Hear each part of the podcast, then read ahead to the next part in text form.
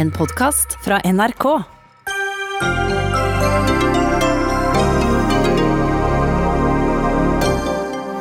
Nok en politiker kommer inn i regjeringen med bakgrunn fra rådgivningsbyrået First House, nemlig vikaren for barne- og likestillingsministeren.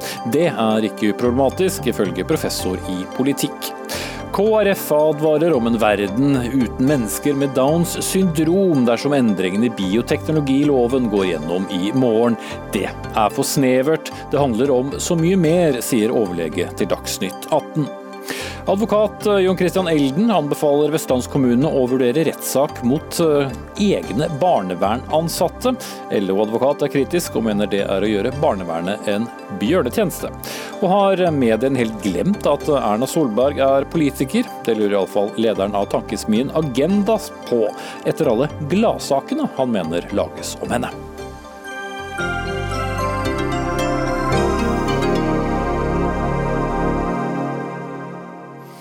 Sier vi god kveld og velkommen til ukens første Dagsnytt 18 med Espen Aas, der vi også følger med på bråket rundt rådgiveren til Storbritannias statsminister. Dominic Cummings heter han, og har fått et voldsomt kjør mot seg fordi han brøt karantenereglene og kjørte 42 mil for å besøke sine egne foreldre. Men først. Solberg-regjeringen henter igjen en statsråd med bakgrunn fra First House. Ida Lindtveit Røse blir statsrådvikar i Barne- og familiedepartementet og skal ta over Kjell Ingolf Ropstads post mens han er i pappaperm i tre måneder. Tidligere ble både FrPs Sylvi Listhaug hentet derfra for å bli landbruks- og matminister, og senere hadde hun jo som kjent flere andre statsrådposter. Tor Mikkel Wara ble hentet inn fra samme byrå for å bli justis justisminister. Og sannelig er dagens statssekretær for Ropstad, Julian Farner Kalvær, også fra First House. Men først til deg, Ida Lindtveit Røse. Du er gruppeleder for KrF Viken, men nå i, i foreldrepermisjon. Det fikk både oppmerksomhet at du blir Norges yngste statsråd gjennom tidene, men altså også denne bakgrunnen fra First House, der du var noen måneder i fjor. Hvordan skal folk være sikre på at du ikke har noen bindinger så lenge du innehar dette vervet? Jeg eh, har jo eh, vært åpen, veldig opptatt av at eh, jeg skal ha full åpenhet. Og jeg mener at man som politiker også må la seg titte i kortene, og, og, at tillit er kjempeviktig. Så da jeg eh, gikk inn i First House, så var det helt avgjørende for meg at jeg kunne være fullt og helt åpent om, om, hvilke kunder jeg har jobbet for i den lille perioden jeg var der, og det, det har jeg også vært. Hvorfor er det viktig å ha den åpenheten?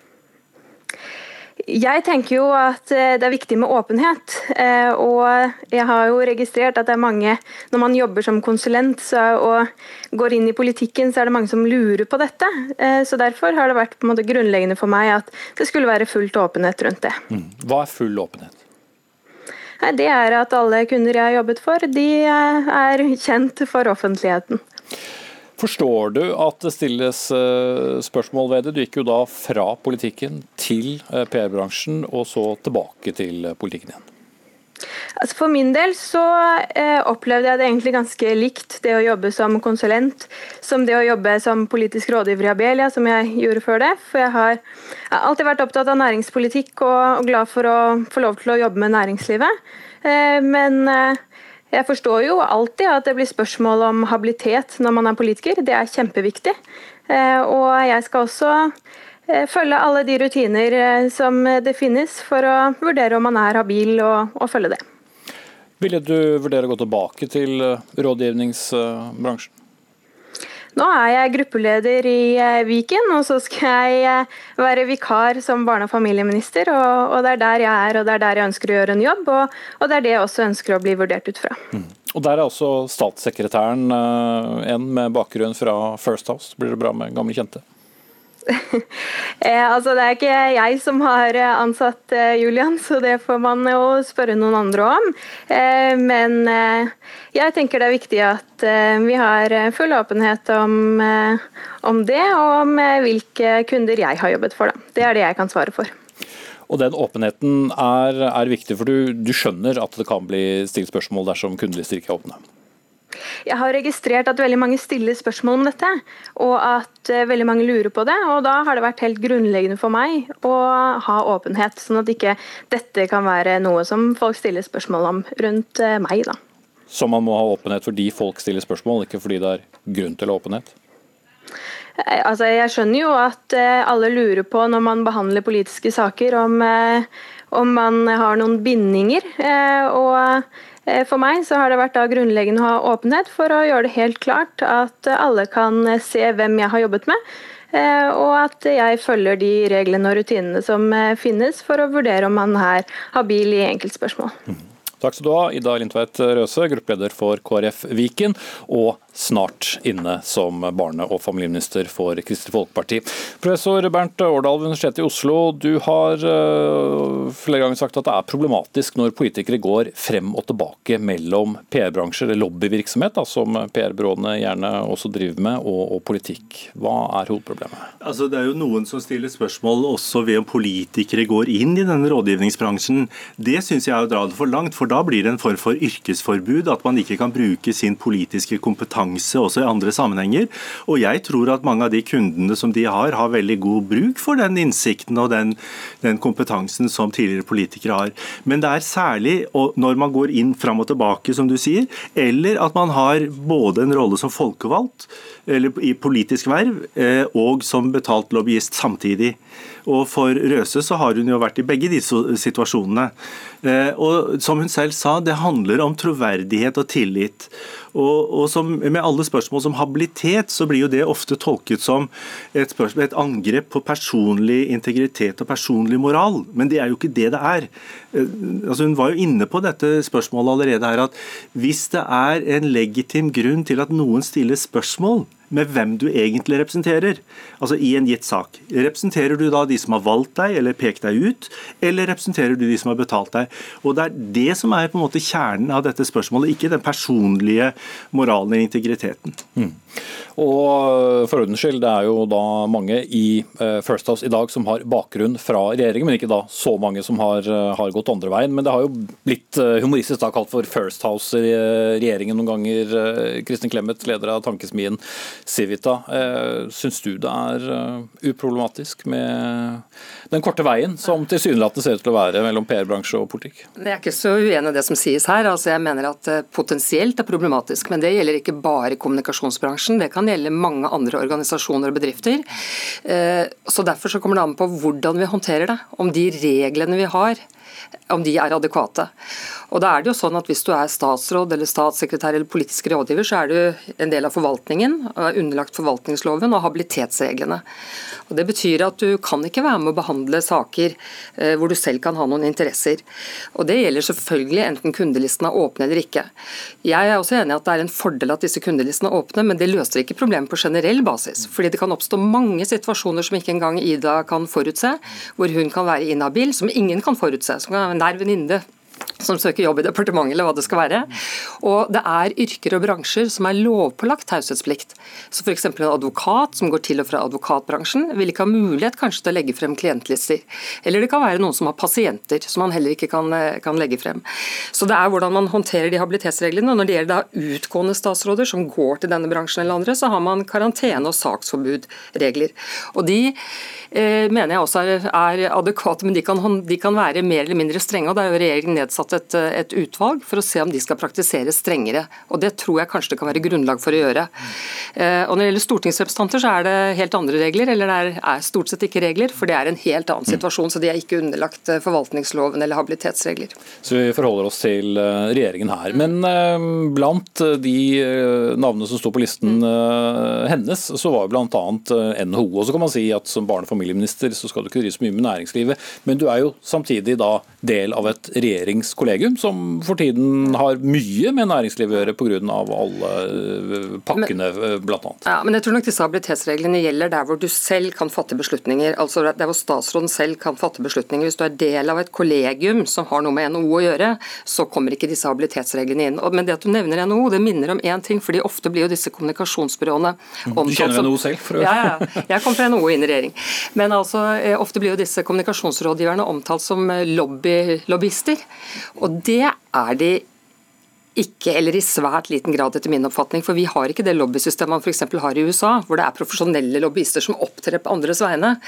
Eh, hos oss er det sånn at eh, organisasjonene, bedriftene, enkeltpersonene selv er sine egne lobbyister. Så NHO, LO, Utdanningsforbundet, Bondelaget, det er de som er lobbyister.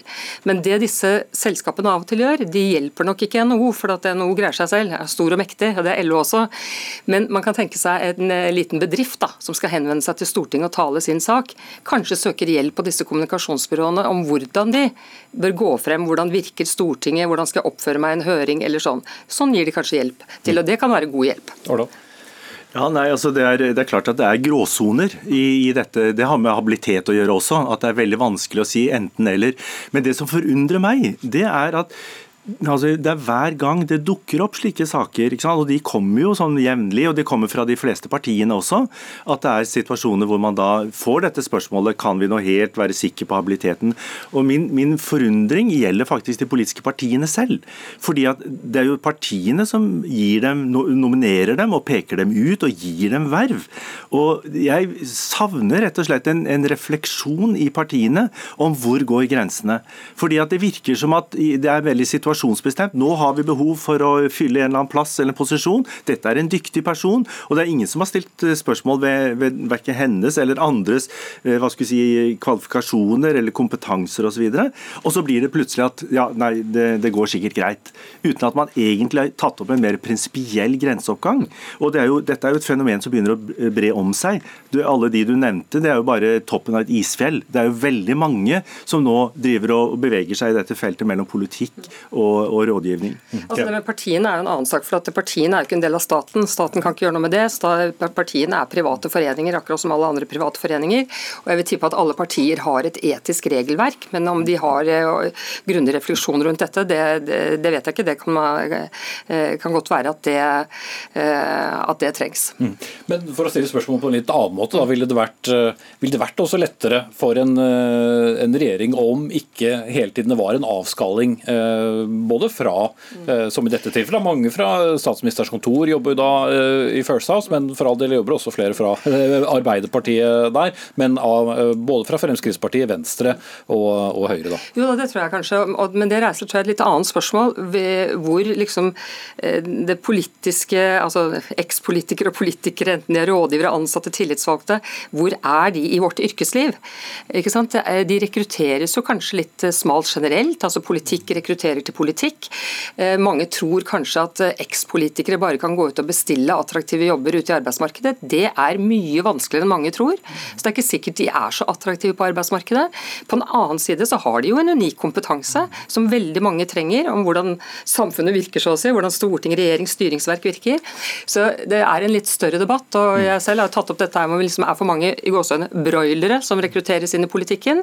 Eh, og dette er kanskje en del av det samme bildet. Mm. For nå får vi en statsråd og en statssekretær, som begge da er fra eh, First House, i ett og samme departement. Ja, det, det får vi jo, men nå har jo kundelistene til eh, Ida Lindtvedt Røse det er jo lagt frem offentlig, men altså dette stiller jo veldig store krav til deres egne habilitetsvurderinger. og jeg må jo si at De gangene statsråder har liksom dinglet i pressen noen dager eller uker fordi det er reist tvil om deres habilitetsvurderinger, så tror jeg ikke det har vært så moro at det er noe man søker eh, frivillig. altså. Det tok litt tid bl.a. å få ut landbruksminister Sylvi Listhaugs kundelister i i Sintef også. Ja, nei, men Det er jo også noe med, med denne saken at den ofte blir individualisert. At det blir gjort til enkeltpersoner og enkelttilfeller. Men, eh, og som du nevnte også i sted, Clemet, så, så er, du blir jo på en måte også dratt inn i en del av et nettverk, et miljø, som, som gjør at det er ikke så lett å si at i denne saken har ikke jeg hatt noe med å gjøre. Men det er en annen kollega, en nær venn, som jeg har fått gjennom denne virksomheten, som kanskje har hatt med denne å gjøre. Og Norge er et lite land. La oss bare innrømme at eh, sånn, sånn, er det. Og det er veldig korte avstander, som på mange måter er veldig positivt, men som også kan bli stille, at Da er vi tilbake til det vi snakket om i sted, at det er noen som stiller spørsmål ved det. og Da rammer det ikke bare den enkelte politikerne som her, det kan ramme politikerne som gruppe. Det kan gjelde, ramme det politiske systemet også, i, i stor forstand. Men Skal man unngå det at dette er et miljø, så må man virkelig se på hvordan det er mulig for mennesker som har vanlige jobber, å være aktive i politikk. Jeg har hørt både Erna Solberg og tidligere Jens Stoltenberg si at de ønsket seg at de skulle få med seg mennesker i politikk som hadde et vanlig virke der ute. Men det er veldig vanskelig, for politikken er blitt blitt så profesjonalisert at det tiltrekker seg mennesker som kanskje bare kan gjøre det, eller veldig stor grad, mennesker som kan gjøre det på heltid og gjøre det til et yrke. og Da blir man jo del av en bransje i gåsøgne, og det er jo uheldig. Mm. Og Dermed finner man seg heller kanskje ikke så lett en vanlig jobb når man er, eh, er ferdig. Takk skal dere ha, Kristin Clemet, leder av den liberale tankesmien Civita, professor Bernt Årdal ved Universitetet i Oslo, og også da Ida Lindtvedt Røse, som vi hørte på begynnelsen av innslaget. Dagsnytt 18 alle hverdager kl 18.00 på NRK P2 og NRK2.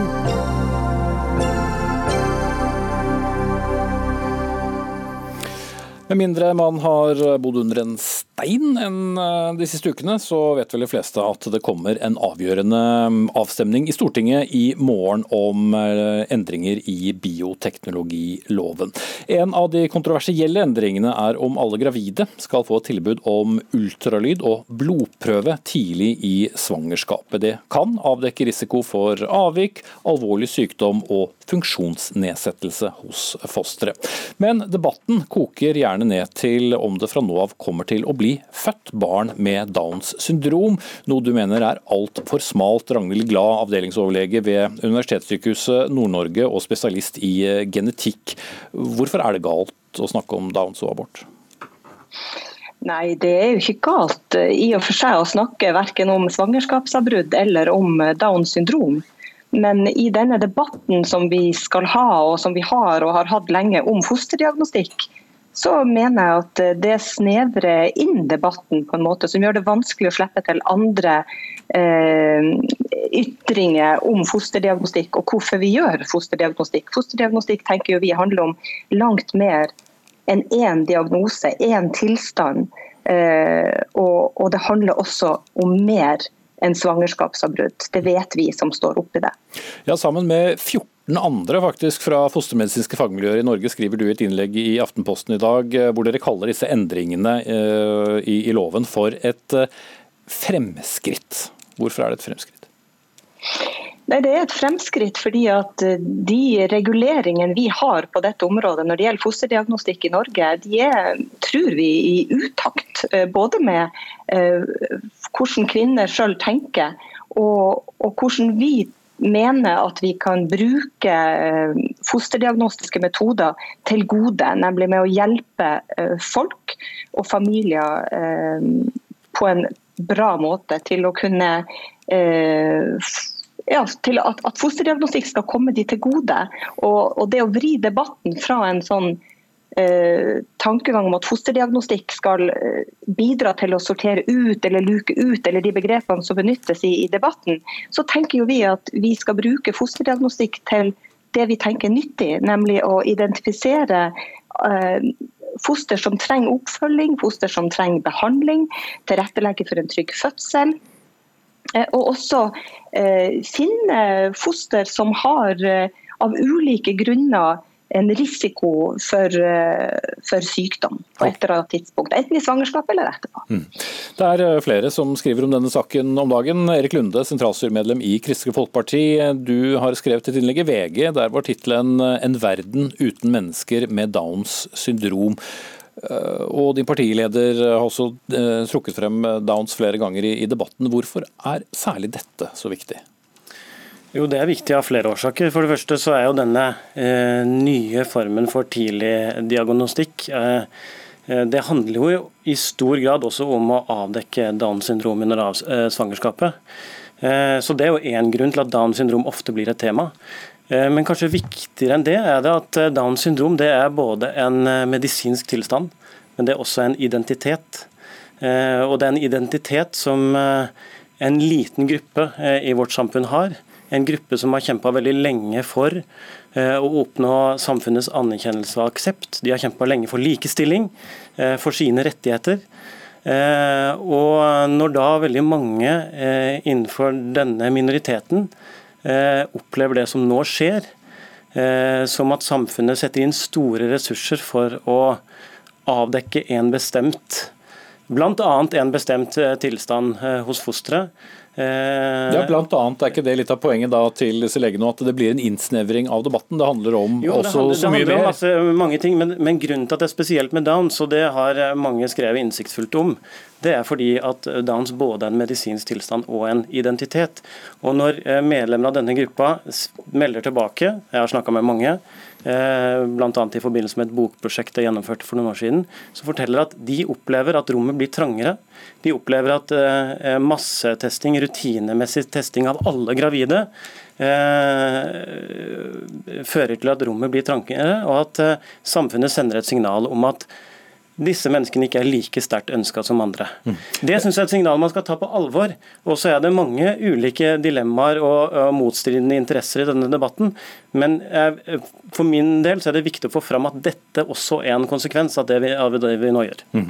Eh, glad mange har jo da påpekt, eh, som, som, Lunde og andre, at eh, de frykter at aborttallene da for fostre med, med Downs da vil, vil gå opp. Ja, eh, og nå er jo ikke vi det, det, eneste land i verden som har diskutert dette og som diskuterer det. og Vi har jo mange land rundt oss å se til som har eh, første trimester-screening, altså tidlig undersøkelse både med ultralyd og delvis også genetiske prøver av foster. Og Vi kan jo se på resultatene fra de landene nå. og det som som kanskje mangler i denne debatten, det er jo det, er jo det at vi ser uh, ut fra de resultatene at kvinner i, bruker resultater av fosterdiagnostikk til andre ting enn det å bare, bare, bestemme seg for å avbryte et svangerskap. De bruker også denne informasjonen til å forberede seg på å ta imot et barn med spesielle utfordringer eller spesielle behov. Og Helsepersonell i seg selv kan bruke denne informasjonen til å tilrettelegge for et tryggere svangerskap, for en tryggere forløsning og fødsel, og for en bedre oppfølging både i svangerskapet og etterpå av foster og av barn som blir født med ulike tilstander. Har det vært en litt forenkling av debatten å sette et likhetstegn mellom diagnostikk og abort? Ja, så jeg tror da at Denne debatten har vært preget av veldig mye forenkling. Eh, og at vi begge, på begge sider kunne ha vært eh, rausere med å, å, anerkjenne hverandres motiver i denne debatten. For det fremstilles ofte som om det er en kamp mellom mørkemenn som vil eh, kontrollere kvinnens kropp, og, og tilhengere av diagnostikk som vil, vil, eh, vil, eh, viske ut likeverd og mangfold. Dette er jo mye mer komplisert enn som så. Men vi vet jo, ved å se på våre naboland, hva som er erfaringen når man starter denne type rutinemessig testing tidlig i svangerskapet. Det fører til at det blir færre mennesker med Downs syndrom. Og Det synes jeg er en konsekvens vi iallfall må være åpne om og snakke om og, og stille spørsmål ved om det er eh, en sånn utvikling vi ønsker. Eh, Bare er glad på akkurat det, så kan du få slippe til igjen. Vi har tid til deg. Glad? Ja, jeg syns, jeg synes mye ut av det du sier. Jeg, jeg er til dels enig i mange av de tingene. Men, men jeg skulle jo ønske at vi kunne vri debatten, gjøre debatten bredere og snakke om alle disse tingene. og Alle disse tingene som, som tidlig ultralyd og, og for så vidt også genetiske analyser av foster er nyttig for. og At vi kunne breie ut debatten og slippe flere debattanter også til.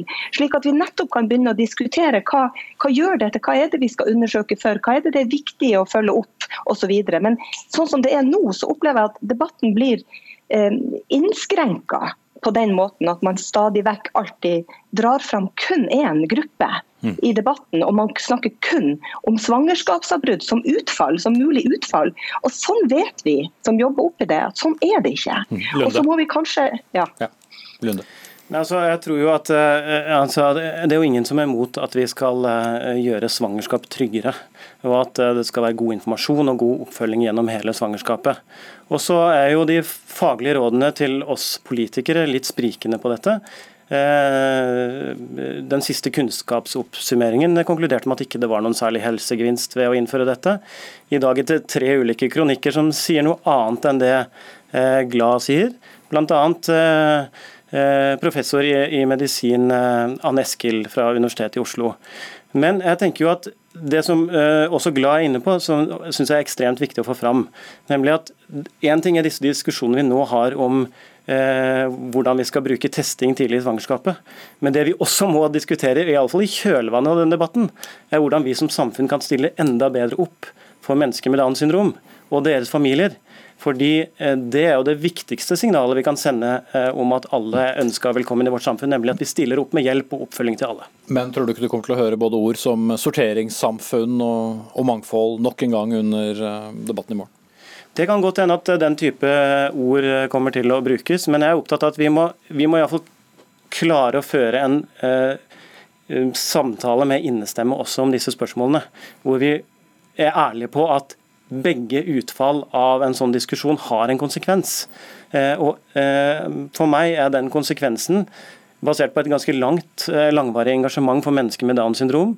Så er jeg bekymra for konsekvensen når vi innfører denne type tidlig testing for alle. Mm. Da stanset vi ved Downs igjen. Men takk skal du ha, Erik Lunde, sentralstyremedlem i Kristelig Folkeparti. Og takk til Ragnhild Glad, avdelingsoverlege ved Universitetssykehuset i Nord-Norge, som også er spesialist i genetikk.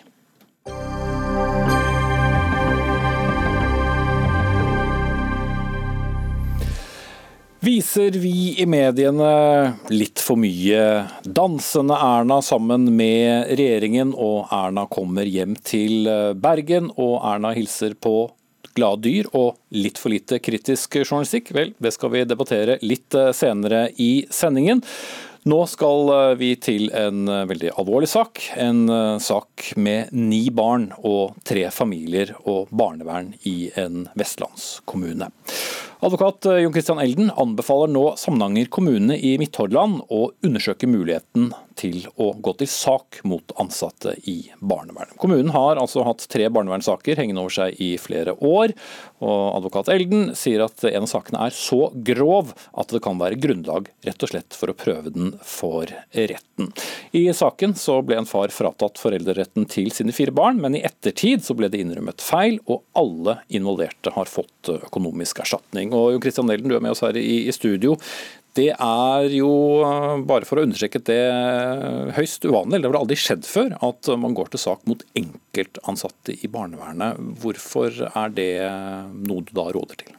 Det er også første gang jeg har fått en henvendelse fra en kommune eh, som har bedt om å få utredet spørsmålet om å kunne saksøke eh, egne ansatte, fordi man mener de har begått såpass grov håndtering av barnevernssaker at de har påført kommunen et utlegg, men påført barn ubotelig skade.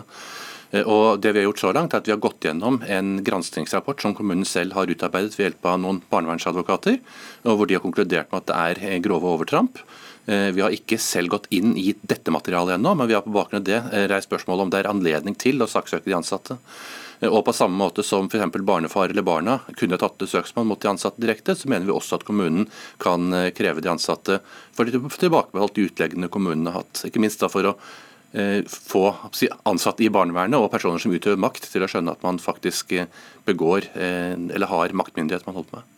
Men da ansvarliggjør man også enkeltpersoner i et større system?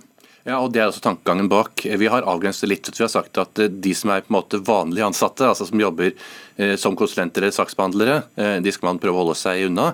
Men man kan gå på de som er i ledelsen, men som selv er med på vedtakene, altså de som eventuelt har bedt underordnede om å fatte vedtak og instruere osv. Prøve å holde seg unna? Ja, altså Vi har ikke gått på enkeltsaksbehandlere. Vi mener kanskje at barnevernsledere for eksempel, eh, bør ha et større ansvar her eh, for den makten de faktisk utøver. Mm. Herdis eh, Helle, du er advokat i LO og med oss fra Bergen og representerer Fellesorganisasjonen i saken, og representerer dermed de barnevernansatte i, i kommunen. Hva sier du til Eldens anbefaling til kommunen? Uh, først av alt så må jeg si at jeg uh, kjenner ikke disse tre tidligere barnevernsansatte i uh, Samnanger. jeg vet ikke navnet deres og aldri snakka med dem.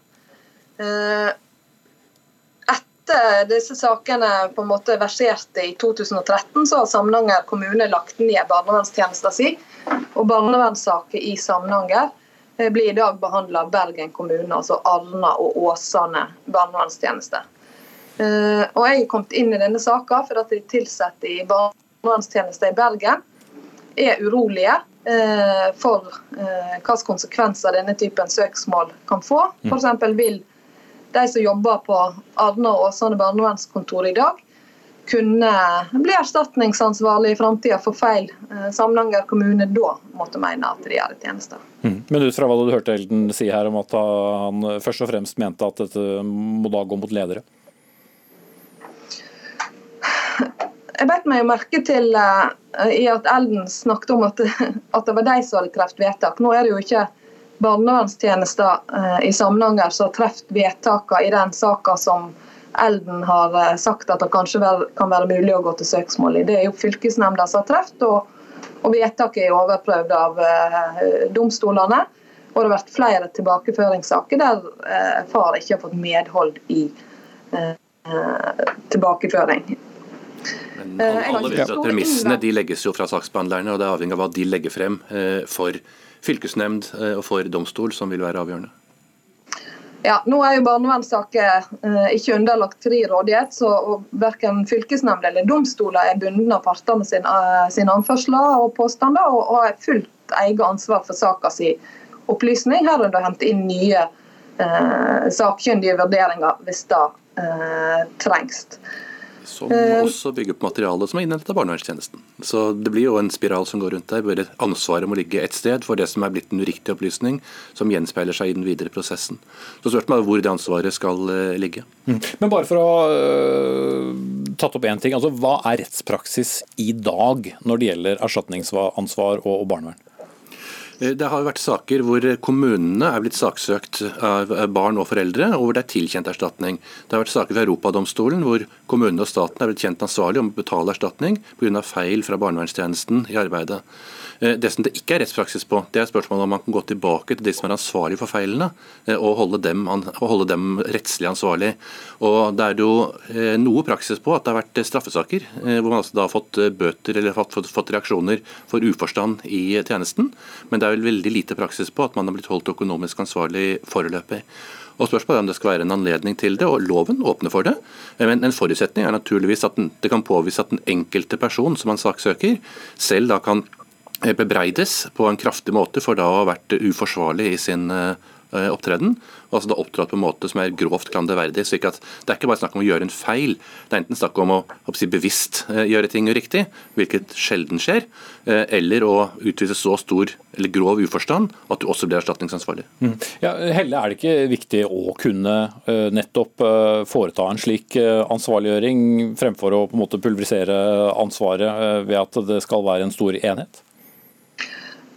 Nå vil jeg først og fremst si at jeg mener jo heller at dette handler om en granskingsskandale enn en barnevernsskandale. Jeg mener at eh, denne rapporten er så dårlig at det er vanskelig å feste lit til eh, konklusjonene i den. Eh, der de ansatte gjør feil i tjenester, sånn som alle ansatte vil gjøre fra tid til annen, så reagerer en jo enten som regel hvis det er alvorlig med arbeidsrettslige sanksjoner som oppsigelse og avskjed, eventuelt gjennom straffeforfølging, f.eks. ved brudd på taushetsplikt, som er en problemstilling i denne saken for kommunestyret i Samnanger.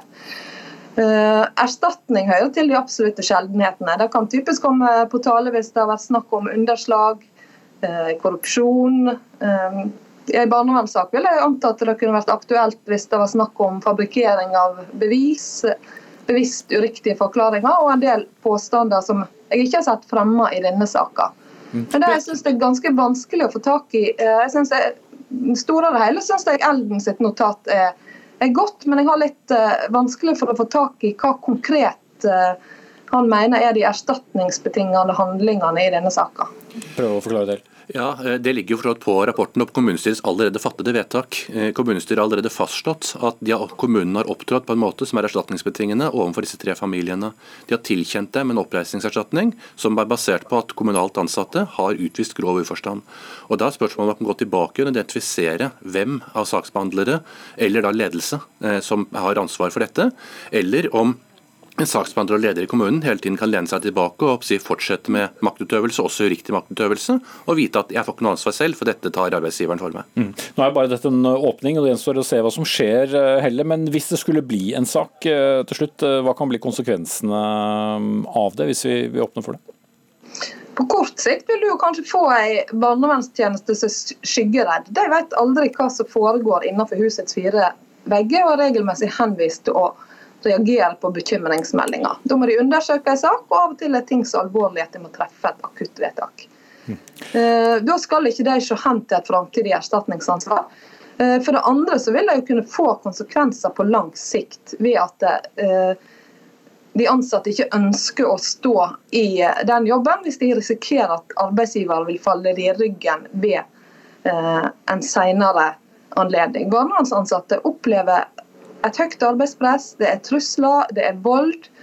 Eh, det er en veldig krevende situasjon, ikke minst i sosiale medier. Og, og mange av dem lever i skjul. Og Hvis det til tillegg skal få den belastninga at eh, arbeidsgiverne eh, går til erstatningssøksmål, så blir dette her veldig vanskelig. Men okay. først og fremst så vil jeg si at dette er politikerne i Samlanger sitt ansvar, og de er ikke sitt ansvar bevisst nå. De skal iallfall i formannskapet ta stilling til eh, saken 28. Eh, mai, det burde vel bli torsdag. Takk skal dere ha, Herdis eh, Helle, advokat i LO, og Jon Christian Elten, advokat.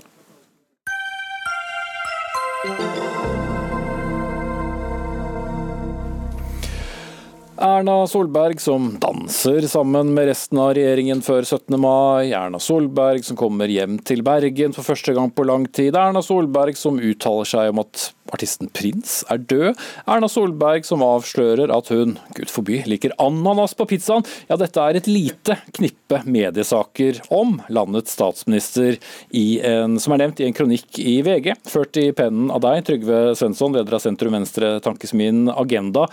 Og Det litt mer alvorlige spørsmålet du stiller er om mediene rett og slett har glemt at hun er politiker. Hva er det i så fall de da presenterer henne som? Ja, Det er jo det som er, jeg synes er fascinerende her, og det er jo derfor det sitter en bergenser og sier han vil ha litt mindre bergensdialekt i media. ikke sant? Og det, det er jo fordi at uh, i Norge, Vi holder oss ikke med president i Norge. Sant? Vi holder oss med statsminister. Hun er statsminister for en mindretallsregjering. Eh, sist valg så var det 80% av norske velgere som stemte noe annet enn Høyre. Eh, så Derfor så tenker jeg det er viktig også at den balansen det er det egentlig det jeg prøver å ta opp i teksten. For Det er bra at politikere gjør andre ting enn bare tørre og kjedelige ting. Det er tipp topp, og det har jo politikere gjort siden antikken. Det, og Jeg skjønner godt at de som jobber for Erna Solberg syns det er tipp topp med sånne saker, men eh, det var vel kanskje denne ananas på pizzasaken som fikk det til å renne litt over for meg. For da syns jeg det hadde vært litt vel mange sånne på rad. Mm. er det jo ingen partier som har eh, et flertall av folket bak seg. Vi hadde det på veldig mange valg, så vi bare tar med det. Og, og selvfølgelig, det kan vel ha mer å gjøre med at uh, du tilhører en sentrum-venstre-tankesmi enn nettopp det at du er bergenser, at du vil ha litt mindre bergenser i monitor. Men uh, NRK var det mediet som særlig ble nevnt i denne kronikken, og fagredaktør her i NRK Nyheter, Marius Tetli. Er det en nyhetssak i Dagsrevyen at Erna og Solberg og regjeringen danser før 17. mai? Altså, jeg vil si Det at det er ingen motsetning mellom det å publisere en, en video av eh, regjeringa som danser i forkant av en historisk 17. mai i Norge, eh, hvor vi er inne i en, en, en omfattende og global krise, og, og, og, mellom det å stille makta til ansvar gjennom å stille kritiske spørsmål. Eh, jeg vil påpeke at NRK har et bredt oppdrag. Eh, eh, saker som blir, som blir nevnt i, i Svenssons kronikk, dreier seg om at NRK vi driver med underholdning. NRK formidler norskt innhold for barn. NRK lager drama. Og innenfor det, det, det, dette spenningsfeltet så er det ofte at politikere blir involvert involvert i, i, i, saker som ikke handler om rene nyheter. Men her i NRK Nyheter eh, så driver vi med, med nyhetsjournalistikk. Eh, og eh, det at vi har et så bredt oppdrag å formidle, formidle politikere også på litt andre arenaer, betyr ikke at vi er servile overfor makta.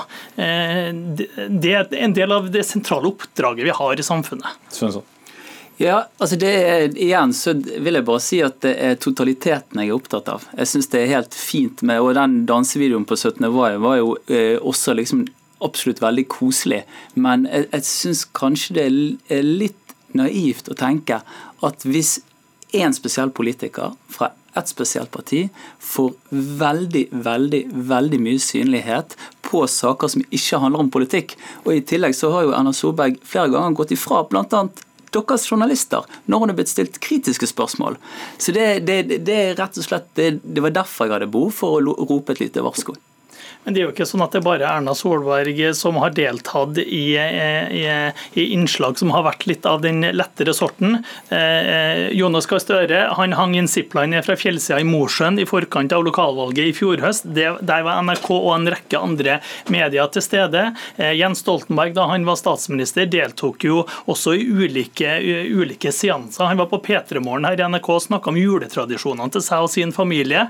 Eh, han deltok også på NRK Supers flater. Så dette viser jo at dette det, er jo ikke, det er jo ikke kun Erna Solberg som, som, er, som blir formidla på denne måten. Absolutt ikke. og det, Jeg skriver jo i kronikken om denne eh, dekningen av anden på verandaen til Jens Stoltenberg. Så det, Dette har alltid vært en del av politikken, og det bør det være.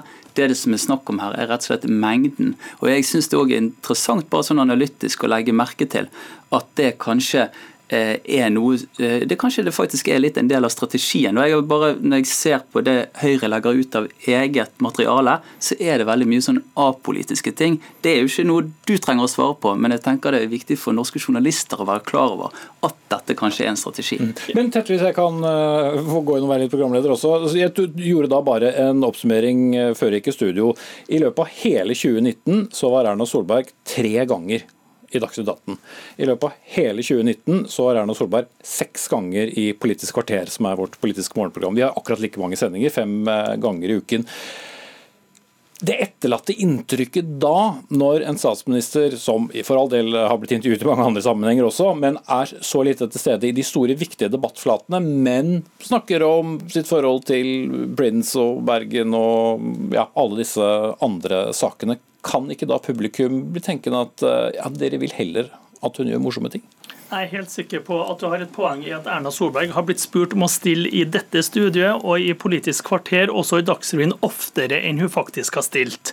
Eh, eh, men jeg er opptatt av den totale dekninga til NRK her. Spørsmålet er driver vi en journalistikk som er grunnleggende maktkritisk overfor regjeringa, eller gjør vi det ikke? For det er jo den underliggende tonen til, Svensson. Og vil, Der vil jeg bare gå helt konkret til verks og peke på f.eks. nå under denne krisa som eh, vi har vært inne i, eh, så er det jo flere saker hvor vi ukentlig har stilt eh, statsrådene kritiske spørsmål. Det være seg om f.eks. manglende utbetaling av dagpenger til, til, til, til folk, hvor regjeringa selvfølgelig er ansvarlig, og hvor vi har stilt kritiske spørsmål til arbeids- og sosialminister Torbjørn Røe Isaksen. Vi har fortalt om at Justisdepartementet hemmeligholder rapporter om konsekvensene av regjeringens krisetiltak. Eh, og vi, og vi, og vi har også, eh, eh, vi andre medier har også fortalt om at regjeringa har gått på tross av faglige råd om skolestengning. Okay. Ja, men Det du nettopp beskriver, det er jo jobben deres. Det er jo det NRK skal holde på med. Det er, og, det som, det, og, det er ikke det jeg tar opp, egentlig. Det, og det er et sidepoeng som egentlig jeg ikke hadde tenkt så mye på, men som jeg har fått masse reaksjoner på den kronikken, så jeg tror han treffer et eller annet. Og en av de til, det er for foreldre som sitter og ser på NRK Super, og så plutselig er det bare liksom veldig mye av én spesiell politiker. Så det er jo den totale dekningen til hele NRK jeg adresserer. Og den er det jo NRK som må ta ansvar for. Men i NRK så er vi opptatt av at unger skal bli samfunnsinteressert. De skal Absolutt. engasjere seg i politikk. Og så er spørsmålet hvordan får vi unger engasjert i politikk og samfunnsspørsmål? Da tror jeg vi må legge opp en historiefortelling og en form som gjør, det, gjør at dette innholdet blir engasjerende for barn og unge. Og det prøver vi gjennom NRK Super. Og, og det får dere til kjempebra. F.eks. debatten for barn før sist valg tipp topp. Og, og, også disse pressekonferansene for barn. Men dette her med den, disse sakene, som er veldig mange saker uten noen som helst politisk edge. Eh, Erna Solberg plukker plast. Ingen spørsmål om hva regjeringen gjør med, for å forhindre plast i havet, eh, osv. osv. Det er det som er problemet. Mm.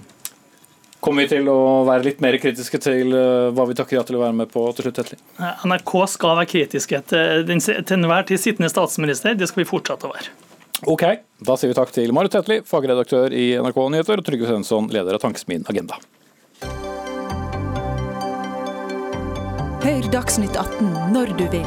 Radio NRK Radio.nrk.no.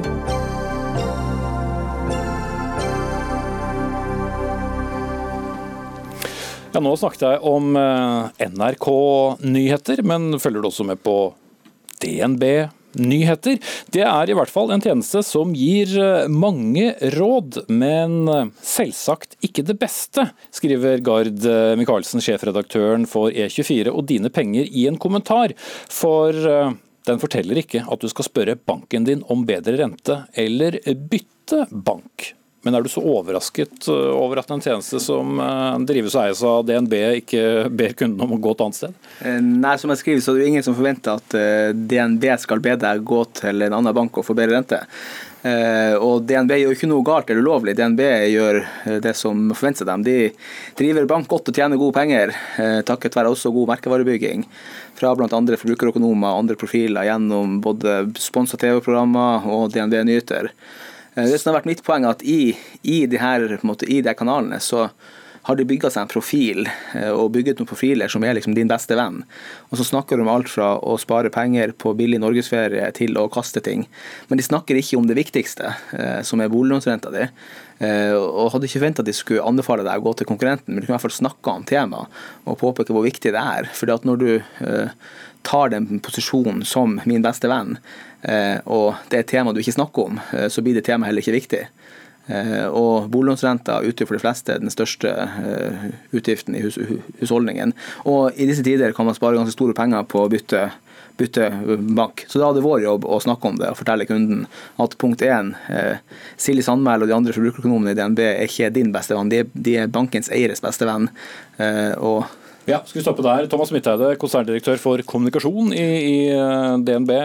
Silje Sandmæl, er hun eh, bankkundenes beste venn, eller er hun eh, bankens beste venn? Hun er mange hundre tusen forbrukeres beste venn, og har gitt utrolig mange gode råd. Hun blir brukt mye av den med nyheter og mye av media fordi hun er utrolig kompetent og flink på personlig økonomi.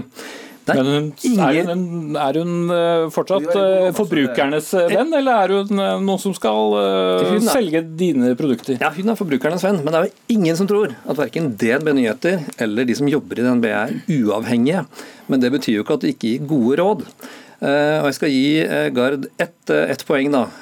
Vi skriver mye om rente og snakker mye om rente, men det er klart at DNB Nyheter vil nok ikke anbefale våre kunder å bytte bank, like lite som redaktørene i E24 vil anbefale sine lesere å heller lese DN, for der er det mye bedre valuta for pengene.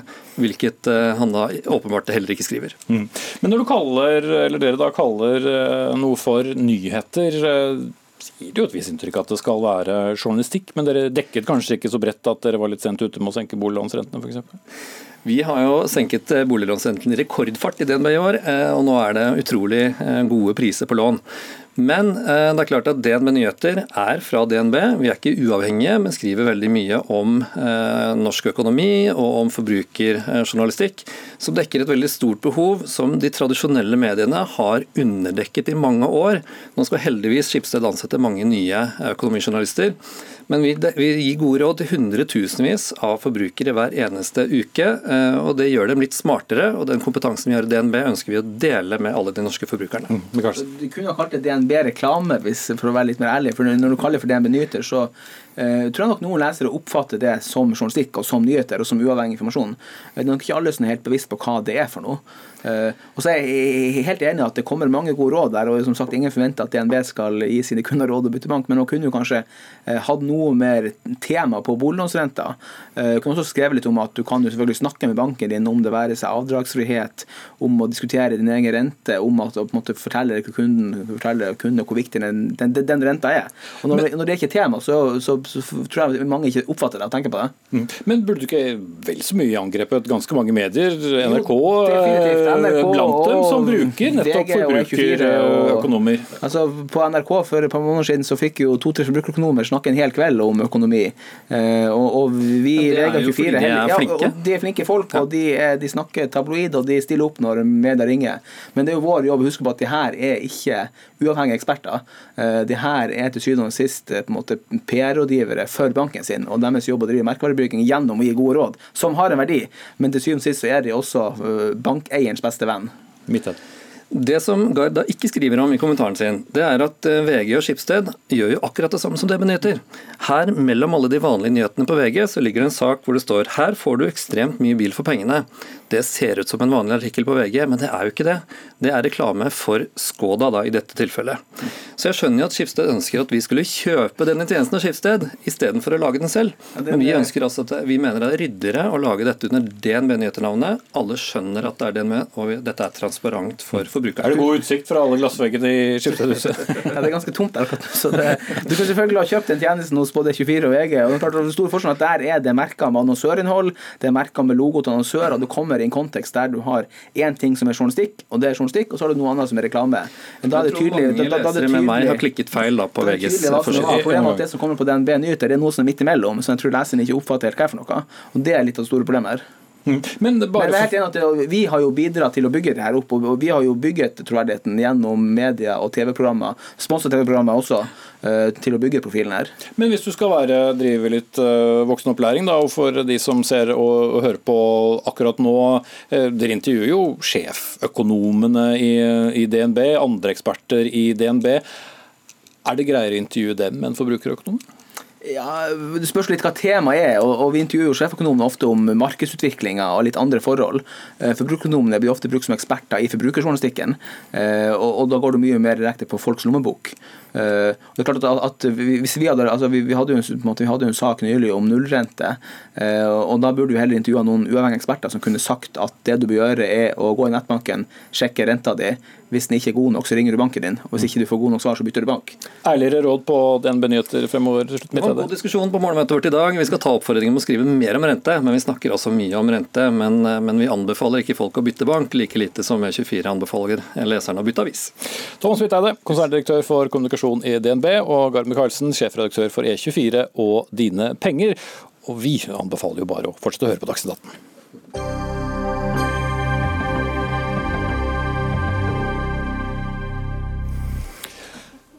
I Storbritannia ser vi ofte bilder av eh, en mann med relativt eh, begrenset eh, hårvekst, og ikke alltid kledd like, i like dyre dresser som verken statsministeren, hans andre rådgivere eller regjeringen for øvrig. Han heter Dominic Cummings, og er vel den mannen som er oftest nevnt i både britiske og stort sett vestlige medier i dag, spesialrådgiveren til statsminister Boris Johnson.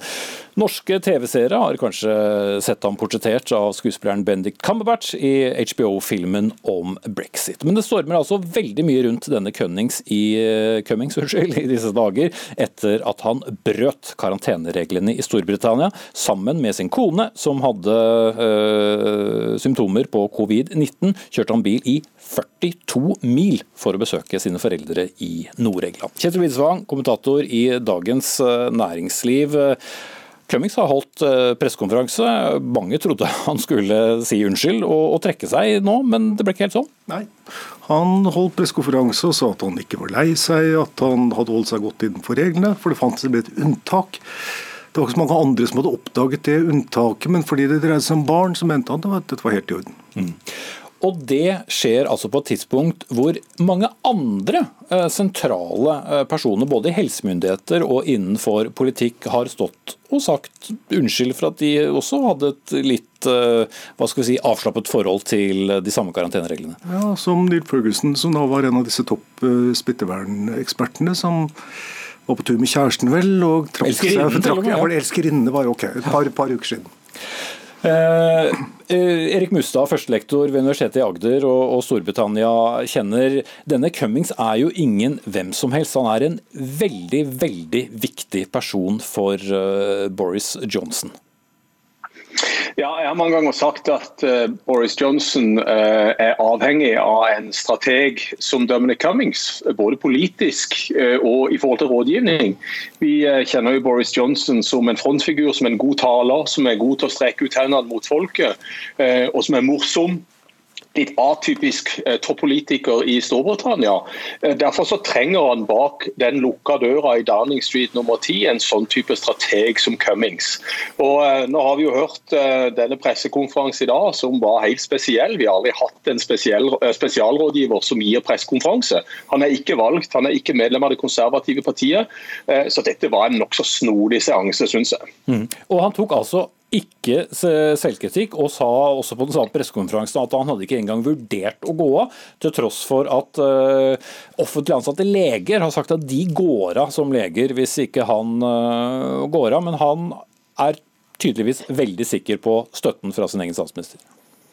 Ja, Han er jo bare ansvarlig overfor sin egen statsminister. Det er også sånn at Cummings ikke er ansvarlig overfor kabinettet eller regjeringen. Han er kun ansvarlig overfor statsminister Boris Johnson. Han hadde ikke konsultert Boris Johnson i forhold til denne turen til Nordøst-England. Og Han sa kanskje han burde ha gjort det, eh, men ellers så var det veldig lite han ville innrømme i forhold til denne turen han tok hjem til foreldrene. Men det var ikke for å besøke foreldrene, det var i tilfelle han trengte barnepass. Og som Hvitsvang sier, denne lille klausulen i retningslinjene som han leste opp gang på gang, og gjentok ordet barnepass gang på gang, dette var da dette smutthullet han mente han hadde muligheten til å bruke, som da kanskje andre folk kunne ha brukt, hvis de hadde visst om denne regelen. Mm. Men Hvitsvang, du har vært korrespondent i Storbritannia og følger britisk politikk eh, tett. Det kommer jo ikke til å bli stille nå? Nei da, dette, dette, er bare i gang. Uh, kan jo si at Han er jo ikke den første som har vært i omtrent den rollen. Altså hadde Alistair Campbell, som var sånn uh, spinndoktor for Tony Blair, som trakk med seg litt Blair i fallet fordi han overdrev og ga han dette ryktet for å ikke være helt sannferdig. og sånt noe. Og så hadde du Fiona Hill og Nick Timothy, som eh, var eh, rådgiverne til eh, Theresa May. Og som jo foreslo dette katastrofale valget som kjørte Storbritannia ut i et par år med kaos. Så disse rådgiverne er rådgivere, men uh, Men mektige, da. Men og, mektige. Og, og, åpenbart veldig uh, godt passet på av, uh, av, sine sjefer. Kan Boris Johnson spille i overkant høyt ved å holde hånden over ham? For han er jo veldig, veldig omstridt. Altså, David Cameron kalte han jo en psykopat. Ja da, en karrierepsykopat. ja, altså De reaksjonene som har kommet det siste døgnet, har vært veldig veldig sterke. Og Det spørs jo. Men på den andre siden så uh, Boris Johnson kan jo takke han for mye. da. Altså Han kom jo inn i britisk politikk fra utkanten fordi at uh, Cummings var med på å vinne brexit-valget. Og Han da bidro veldig også til at han fikk den største valgseieren for partiet siden Margaret Thatcher i, i desember i år. Så han har en del å takke ham for. Men uh, Mustad, noen uh, særlig folkets mann er ikke Cummings. og Vi har jo i dag sett bilder av naboer som skriker til Cummings idet han er jeg husker ikke om det var på vei til eller uh, fra huset. Han er en, en slags mørkets fyrste for mange. Ja, Han er det, og han er ikke noen folkets mann. Han er en eliterepresentant eh, som snakker elitespråk, selv om han prøvde så godt han kunne i dag å snakke eh, nokså vanlig engelsk.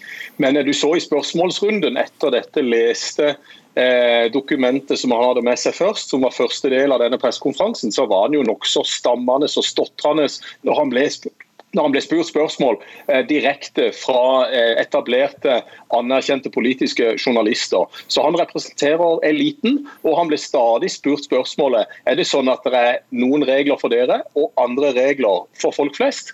Det vil han ikke svare på eh, noe særlig godt. Så eh, nei da, han er en representant for eliten, men han har kommet opp med alle disse slagordene. Get Brexit done. Eh, Take back control, som vi husker fra Liv-kampanjen under brexit-valgkampen.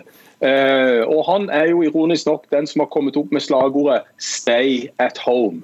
Og Da ser vi altså i denne situasjonen at han har ikke gjort det, og uh, sett seg selv uh, som kanskje viktigere enn folk flest. Og Det blir det bråk av i Storbritannia. Mm. Paradokset er jo at han selv prøver jo å markere seg veldig opposisjon til den tradisjonelle britiske eliten.